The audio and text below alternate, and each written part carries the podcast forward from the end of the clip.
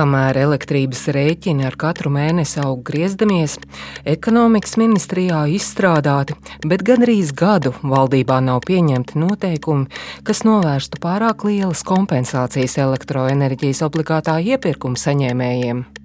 Tā ir tā mūsu kopīga nauda, ko mēs attiecīgi maksājam. Un gribētos, lai to naudu saņemtu pamatoti. Tikmēr pirmie rezultāti jau ir kādā krimināla procesā par krāpšanos obligātajā iepirkumā. Tad es eju cietumā, un tas tiek viss pārdots, kas tur ir. Kas notiek ar obligātā iepirkuma komponenti, jeb OIK, ko politiķi solīja izrevidēt, lai mazinātu mūsu elektrības rēķinus? To šodien redzījumā atvērtie faili pētīšu es, Indra Sprānce. Pirmā daļa - bizness. Tā, šis ir tas oficiālais dokuments. Pensionāra Zenta Rodērta rāda savu elektrības rēķinu. Nu, skatieties, pat man jau atbild, man arī nav, nav, nav labs. Tā tad uh, elektroenerģijas cena līdz 31. decembrim būs 0,07853, bet no 1. janvāra būs 0,0.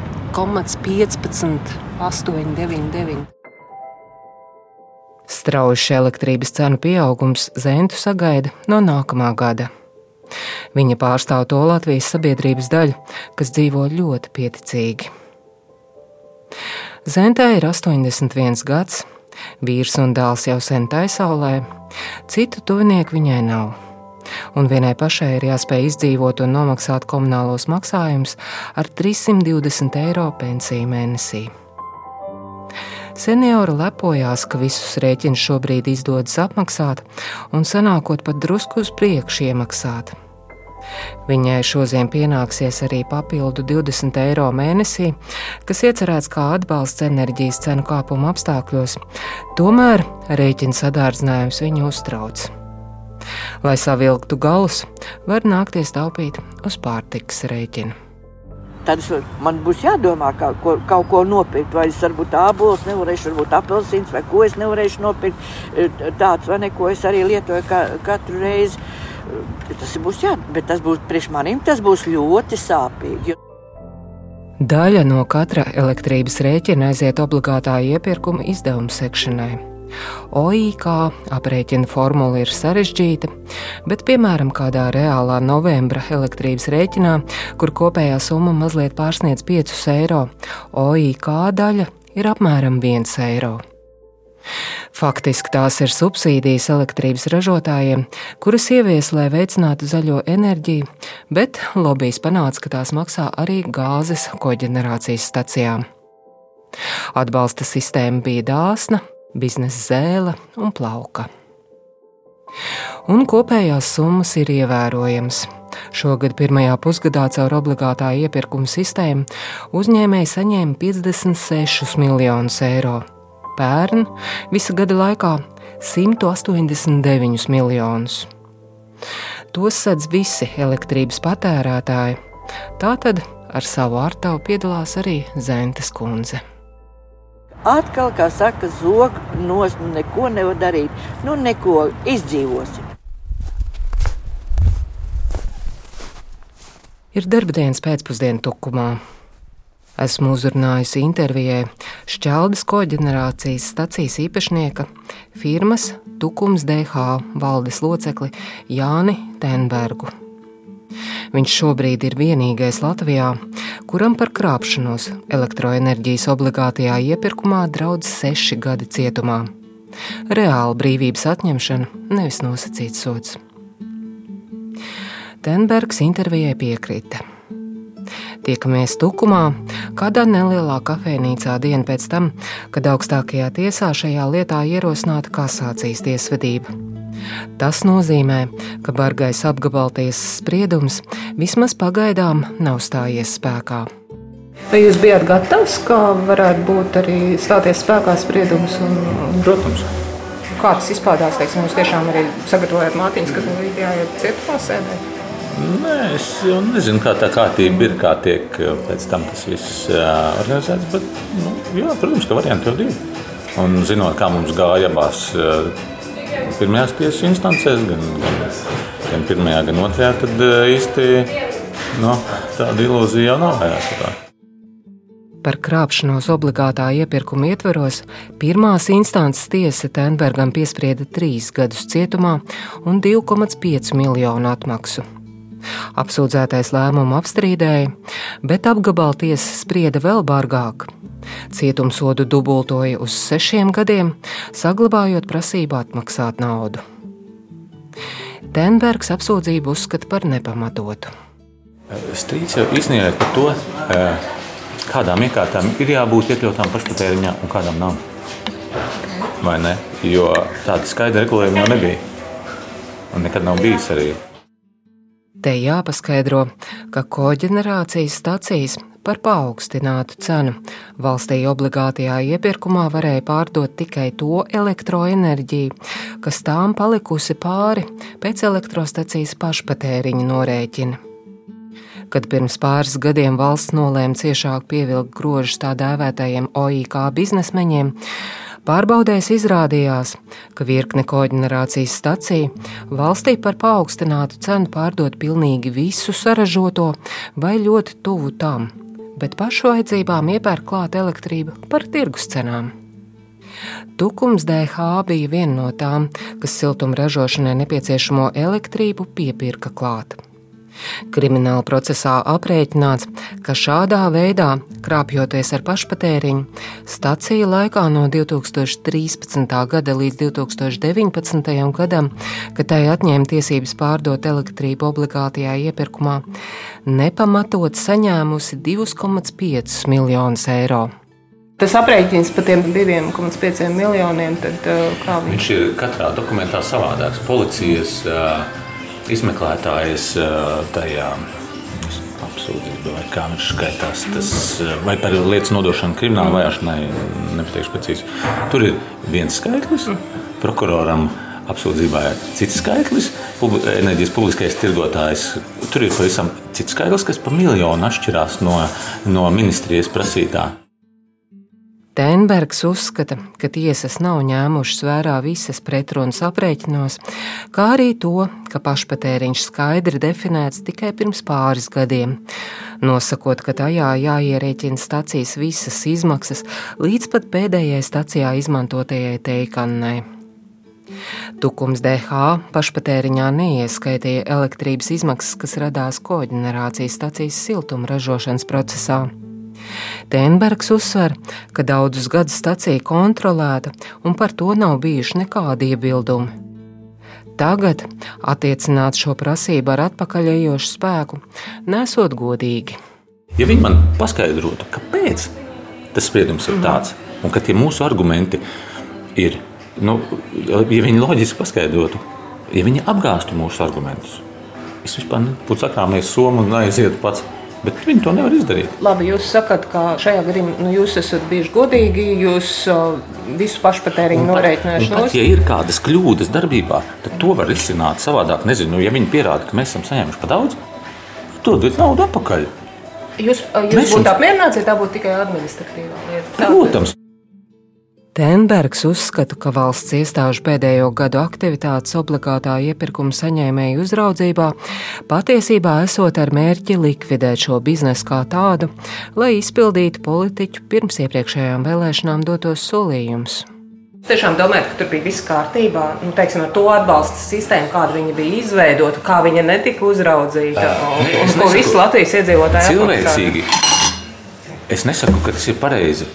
Un, un ka tam tā būtu jābūt, bet ja valsts ir tādu sistēmu radījusi, tādus noteikumus un ļauj strādāt, tad nu, izdomājiet veidu, kā savādāk to visu. Nezinu, tur visiem termiņš beidzās, tad desmit gadi pienāk, viss brīvi, neko nepagarinām.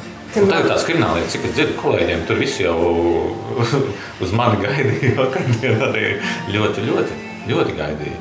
Jo tāda ir daudz. Un, saka, nu, viņi saka, ka mums jāiet pa tautāk, viņi saka, mēs braucam prom. Nu, tā nedrīkst. Nu, kaut kādam samērīgumam jābūt. Nu, nu, nevar vienkārši tāpēc, ka mēs izdomājam, ka vajag visu nolikvidēt, tagad visiem krimināllietas un visu cietumā.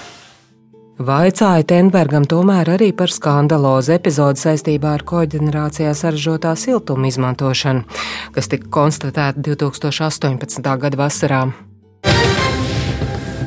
Kopš jūnija akciju sabiedrība Enerģijas publiskais tirgotājs valdības uzdevumā ir uzsācis 400 OIK staciju auditu.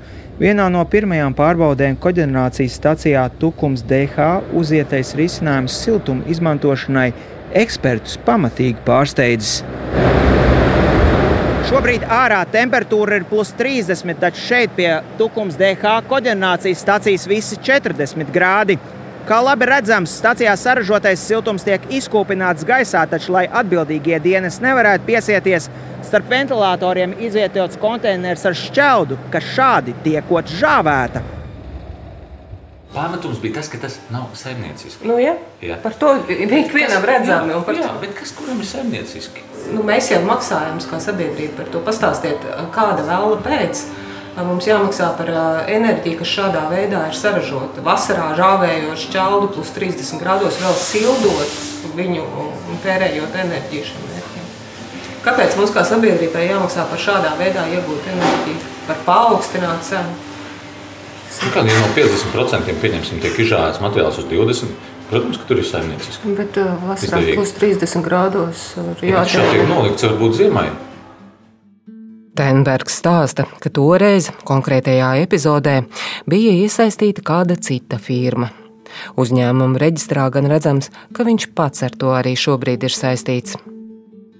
Bet vispār par saražotā siltuma iespējami neliederīgu izmantošanu Tukums DH tā arī nekādas pretenzijas krimināla procesa apsūdzībā nav bijušas. Tās ir tikai par krāpšanos ar pašpatēriņu. Apsūdzības aplēsto pārmaksu 2,5 miljonu apmērā Denbergs nevarēšot atmaksāt. Tur jau vairs neiet runa par atmaksāšanu. Tur ir, tad, ja spriedums stājās spēkā, tad tas viss tiek izsolēts, pārdots īpašums un ieskaitīts budžetā. Tur jau mums vairs strādāt, jau neviens jau vairs neļaus. Tad esiet cietumā un tas tiek viss pārdots, kas tur ir. Tomēr koģenerācijas stacijas Tukums DH valdes loceklis Stenbergs nav vienīgais, kuram šobrīd draud krimināla atbildība par pārkāpumiem obligātajā iepirkumā. Turpina valsts policijas organizētās noziedzības apkarošanas pārvaldes pirmās nodaļas priekšnieks Raitis Kalnačs. Šobrīd mēs jau pret 11 uzņēmumiem esam pabeiguši izmeklēšanu, nosūtījuši krimināla vajāšanai. Izmeklēšana pabeigta un nodot apsūdzību celšanai arī krimināla procesā, kas ierosināts pret diviem ekonomikas ministrijas ierēdņiem par nepienācīgas kontrolas nodrošināšanu. Viens no viņiem ministrijā vairs nestrādā. Neviena augstāka amatpersona pie atbildības netiek saukta. Tikmēr tā dēvētie OIK uzņēmēji dāsni ziedo partijām. Piemēram, jau pieminētās firmas Tukums DH, viens no patiesā labuma guvējiem, Uldis Mierkalns, kopš 2005. gada partijām Jaunais laiks un Latvijas attīstībai saziedojis 115 tūkstošus eiro. Savukārt citā obligātā iepirkuma krimināla procesā figurējušās Remārs Rīga koģenerācijas stacijas bijušais akcionārs, uzņēmējs Vasilijs Meļņiks, vienotību veidojošajām partijām un tautas partijai kopš 2011. gada noziedojis 74 tūkstošus eiro. Valsts policijā šobrīd izmeklēšana turpinās vēl par 13 staciju iespējamiem pārkāpumiem. Komentēja policijas pārstāvis Raitis Kalnačs. Ar ko tas viss sākās? Tas sākās ar šīm konteineru schēmām, kad uh, bija septiņi uzņēmumi, kas uh, nebija nodevuši stacijas. Un viņi bija krāpušies, lai saglabātu šīs tiesības. Viņi izkrāpa šīs tiesības saņemt šo obligāto maksājumu desmit gadus. Pārējie uzņēmumi ir jau tāda klasika, tā ir uh, tas saucamais pašpatēriņš. Tas ir, uh, kad uzņēmumam bija jānodrošina savu visu elektro, nu, iekārtu nodrošināšanu ar savu saražotu elektrību, un tikai tas, kas palika pāri pēc uh, saražošanas, viņi drīkstēja pārdot uh, publiskajam tirgotājam attiecīgi ar to obligāti iepirkuma komponenti. Tas ir trīskāršā apmērā iegūt šo maksājumu. Un uzņēmumi, lai maksimizētu savu peļņu, viņi šo savu stacijas uh, elektrības patēriņu nodrošina no ārpuses. Un tādā veidā nelikumīgi iegūta divas trešdaļas no šīs summas, kas tika izmaksāts. Krimināla procesa policijā gan šobrīd nav ierosināta par visām stacijām, kur konstatēta iespējama krāpšanās ar pašpatēriņu.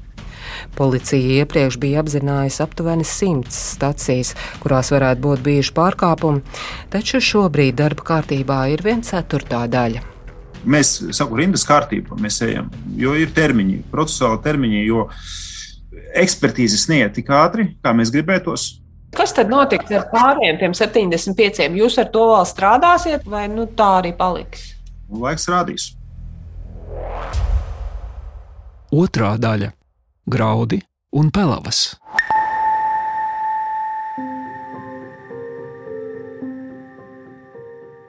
Pērnā gada sākumā elektroenerģijas obligātā iepirkuma saņēmēju uzraudzību pārcēla no ekonomikas ministrijas uz tās padotības iestādi - Būvniecības valsts kontrolas biroju. Uzraudzību mēs īstenojam tā, divos virzienos. Ir tās administratīvas pārbaudes, kuras ietvaros mēs pārbaudām ikgadējas pārskatus, ko komersanti mums iesniedz. Mēs analizējam datus, pieprasām papildus informāciju, darām secinājumus, rīkojamies. Tad vēl liela uzmanība šogad arī bija pievērsta pamatlīdzekļu nolietojumam, kas arī būtiska lieta, tāpēc ka faktiski valsts atbalsts ir līdz brīdim, kamēr nenolietojas pamatlīdzekļi. Stāsta Būvniecības valsts kontrolas biroja vadītāja Svetlana Mjakuškina. Birojas kontrolējot nevienu pamatlīdzekļu nolietojumu, bet arī regulāri uzrauga nodokļu nomaksu un organizē klātienes pārbaudas uz vietas elektrostacijās. Tur ir mums izstrādāti skaidri kriteriji, mums ir izveidota kontroles grupa, piesaistot arī citu iestāžu ekspertus, gan meteoroloģijas jomā, gan arī siltumtehniskajā jomā. Tur Eh, ir eh, profesionāla komanda, kas arī ir iesaistīta eh, uzraudzības aktivitātes, ko mēs īstenojam. Kontrolas pasākumu rezultātā un dabiskā ceļā, beidzoties atļauju termiņiem, kopš pērnā gada sākuma obligātā iepirkuma stāciju skaits sarucis no 337 uz 269 elektrostacijām. Tā kā kopā mums ir pieņemti pa šo periodu 59 lēmumi, ar kuriem mēs attiecīgi atceļam tiesības saņemt valsts atbalstu. Pie noteiktām neatbilstībām birojam šobrīd ir arī pienākums atprasīt nepamatot vai nelikumīgi izmaksāto valsts atbalstu, ja tāds ir konstatēts.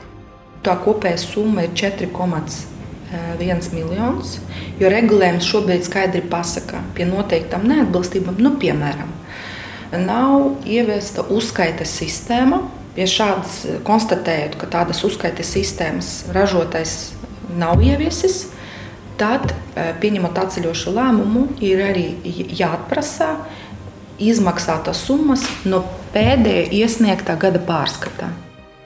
Tātad šobrīd birojs var prasīt atmaksāt nelikumīgi saņemto, ja tāds ir konstatēts, faktiski par ļoti īsu periodu, kas ir kopš uzņēmējs iesniedzis pēdējo gada pārskatu.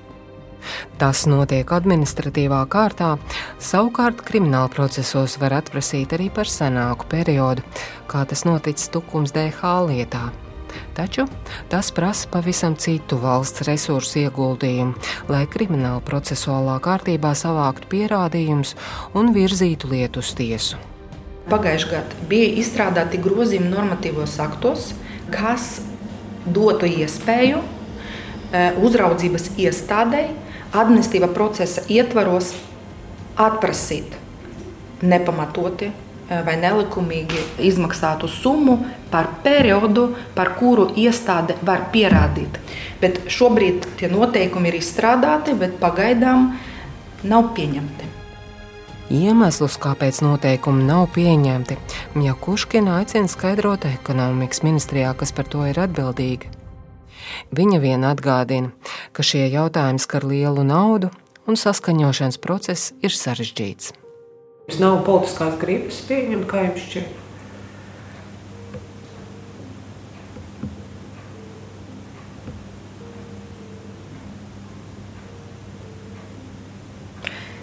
Es domāju, ka jābūt politiskai gribai, ja ir vēlme eh, risināt sarežģītus jautājumus. Tad viņi ir vai nav? Es domāju, ka, mm, nu, ja jautājums vēl pagaidām nav pavirzīts, droši vien tā vēl nav pietiekama līdzās ministru kabineta noteikumiem, kas ļautu birojam pieprasīt atmaksāt visas nepamatoti vai nelikumīgi saņemtās summas, iestrēguši vēl kādi citi būtiski grozījumi. Arī šie grozījumi ekonomikas ministrijā ir uzrakstīti jau pērnā gada nogalē, bet nav virzīti tālāk skatīšanai ministru kabinetā. To mērķis ir novērst pārkompensāciju valsts obligātajā iepirkumā. Būtību skaidro Mjakuškina. Uzraudzības aktivitātes, ko mēs esam īstenojuši, kad mēs pārņemam šo funkciju atsevišķās stācijās, mēs secinājām, ka tur īsti nebija investīciju. Ņemot vērā, ka tās tehnoloģijas, tās iekārtas, viņas ļoti vecas un faktiski tā pirmšķietamie stācijas faktiskais tehniskais nodrošinājums, nu, neatbilst tām līmeņa atzīmēm. Līdz ar to viens no jautājumiem, kuru ar jauniem noteikumiem ir, ir plāns risināt, ir pārkompensācijas novēršana, tā skaitā paredzot, kā aprēķini tiks veikti balstoties uz faktiskiem datiem. Biroja vadītāja šobrīd atturas minēt grozījumu iespējamo finansiālo ietekmi. Precīza aina būtu redzama pēc pārreķina veikšanas. Ja mēs runājam par valsts atbalstu, kas šeit ir nozīme katram centam. Jo, ir, jo tā ir sabiedrības nauda. Es varbūt atkārtojos, bet man ļoti gribētos, ka tomēr nu, tie, kas mūs uh, klausa un tie, kas strādā, viņi to sadzird. Tā ir, tā ir tā mūsu kopīga nauda, ko mēs maksājam. Un gribētos, lai to naudu saņemtu pamatoti. Par ekonomikas ministrijā uzrakstītajiem, bet valdībā tā arī nepieņemtajiem ministru kabineta noteikumiem viedokli lūdzu ekonomikas ministram Jānim Vitenbergam. Viņš politikā iesoļoja no partijas KPVLV, kas pirms vēlēšanām nāca ar saukļiem likvidēt OEK. Bet tagad ministrs pārstāv Nacionālo apvienību. Ir bijuši man liekas, dažādi, ja nekļūdos, termiņi, līdz kuram to vajadzēja īstenot, taču uzreiz jau pēc šī deleģējuma saņemšanas ekonomikas ministrija sākus strādāt pie šiem, šiem noteikumiem, ar kuru palīdzību tiks e, precizēts šis e, tehnoloģiskais cikls, lai nebūtu iespējams e, sadalīt mākslīgi šīs oļu stācijas. Te paskaidrošu, ka šī problēma zinām jau vairākus gadus. Tā kā valsts dāsnāk atbalsta mazās elektrostacijas nekā lielās, atsevišķi komersanti iemanījās mākslīgi sadalīt elektrostacijas maziņās, lai arī dabā tās varēja atrasties pat vienā istabas izmēra telpā. Uz papīra tās tika noformētas kā atsevišķas juridiskas vienības ar nelielām jaudām. Tādējādi, pareizi sakārtojot papīrus, piemēram, pāris stacijas Daugopilī, papildu jau tā dāsnajam valsts atbalstam piepelnīja vairāk nekā 7 miljonus eiro faktiski par neko jo kopējais elektrostacijās saražotais un valstī pārdotais elektrības apjoms jau no tā nemainījās. Ar jaunajiem noteikumiem iecerēts risināt arī problēmas, kuras minēja Būvniecības valsts kontrolas biroja vadītāja. Turpina Vitenbergs. Atbalsta atgūšana un e, šis 20 gadu atbalsta cikls ir pietiekami nozīmīgas lietas. Un, e, Saskaņošanas procesā ir bijuši ļoti daudz iesniegumu, e, dažādi priekšlikumi un divi noteikumi, un katrā vairāk kā 70 šādu iesniegumu. Un, tad ministrija arī ir ar šiem iesniegumiem un priekšlikumiem strādājusi. Lai arī saskaņošanai veltīts gandrīz gads, tagad konstatējuši, ka vienoties visticamāk neizdosies tādu pilnīgu saskaņošanu bez iebildumiem, eh, acīm redzot, šādiem noteikumiem nav iespējams saņemt. Tādēļ esam iesnieguši atkārtot valsts sekretāra sanāksmē. Atbilstoši elektroenerģijas likumam, šiem noteikumiem jau bija jābūt spēkā no šā gada janvāra. Pēc intervijas ministrijā noskaidroja, ka valsts sekretāra sanāksmē tie no jauna pieteikti tikai 7. decembrī. Tas ir nedēļa pēc tam, kad esmu nosūtījis Vitsenbergam lūgumu komentēt situāciju saistībā ar šiem noteikumiem. Ministrs gan noliedz, ka mana interese būtu sekmējis noteikumu virzību. un pauž cerību, ka noteikums pieņems. Es teiktu, ka tas darbs, eh, lai atsijātu graudus no, no palavām, eh, norit sekmīgi. Un eh, tiešām ceru, ka arī valsts sekretāros tiek panākts lēmums un arī ar šiem noteikumiem mēs varēsim iet uz priekšu, lai nu, būtu teiktu, visi resursi Būvniecības valsts kontrolas biroja rokās, lai šo jautājumu strādātu. Būvniecības valsts kontrolas birojam būtiskie noteikumi visticamāk izpelnīsies asus iebildums no elektrostaciju īpašniekiem. Pirms mēneša atklātā vēstulē saimnes deputātiem, ministru kabinetam un Latvijas sabiedrībai virkne obligātā iepirkuma uzņēmēju aicināja veikt, citēju, būvniecības valsts kontrolas biroja darbības vērtējumu un fundamentāli pārskatīt patvaļīgo prasību piemērošanu atjaunojamo energoresursu stacijām. Vēstuli parakstījis arī Latvijas Hidroenerģētikas asociācijas valdes priekšsēdētājs Jānis Irbe. Tā problēma ir, protams, esošajā pastāvošajā likumā un noteikumos, un, protams, no otras puses vēl izpratnē par attiecīgo noteikumu normu piemērošanu. Palīdziet man saprast, um, kas tad tur ir slikts, ja valsts beidzot pēc tik daudziem gadiem ir sākusi reāli kontrolēt to, vai, vai stacijas uh, izpilda šos noteikumus. Kādēļ jūs visi nu, tik ļoti iebilstat pret to? Nē, nē, nu kas tur slikts? Vis, visus un visās malās kontrolē. Un, ja tā runā pēc taisnības, tad vispār kontrolas kā tādas vienmēr ir pastāvējušas. Problēma esot, ka noteikums visu laiku pārveido. Katrā tajā uzlabotajā viņa prāta redakcijā nāk ar vien jaunas, jaunas normas, kaut kādas prasības atpakaļ vērst. Pati būtiskākā problēma visā šajā sāgā ir tā, ka kaut ko valsts nemitīgi cenšas piemērot ar atpakaļ vērstu spēku. Pēc īrbas teiktā, visa atbalsta sistēma šobrīd esot tik ļoti sabojāta un atgādna, ka nekādas ilgtermiņa perspektīvas uzņēmēji vairs nesaskatot. Es uh, varu arī aiziet projām un darīt kaut ko citu, kā uzņēmums. Ja? Tikai uh, tādā gadījumā lūdzu uh, nesakiet, ka es vēl te kaut ko kādam esmu parādā par to, ka kāds ir izdomājis, parādā šķiramies tad nevis kā nu, pat nekā ienaidnieki un nekā draugi, bet vienkārši šķiramies kā divas līguma slēdzējas puses, un mums vairāk nav nekāda attiecība. Par to ir tagad runa. Kā dzirdams, jaunie grozījumi varētu raisīt asas diskusijas. Kurā datumā viņš viņu varētu skatīt valsts sekretāros?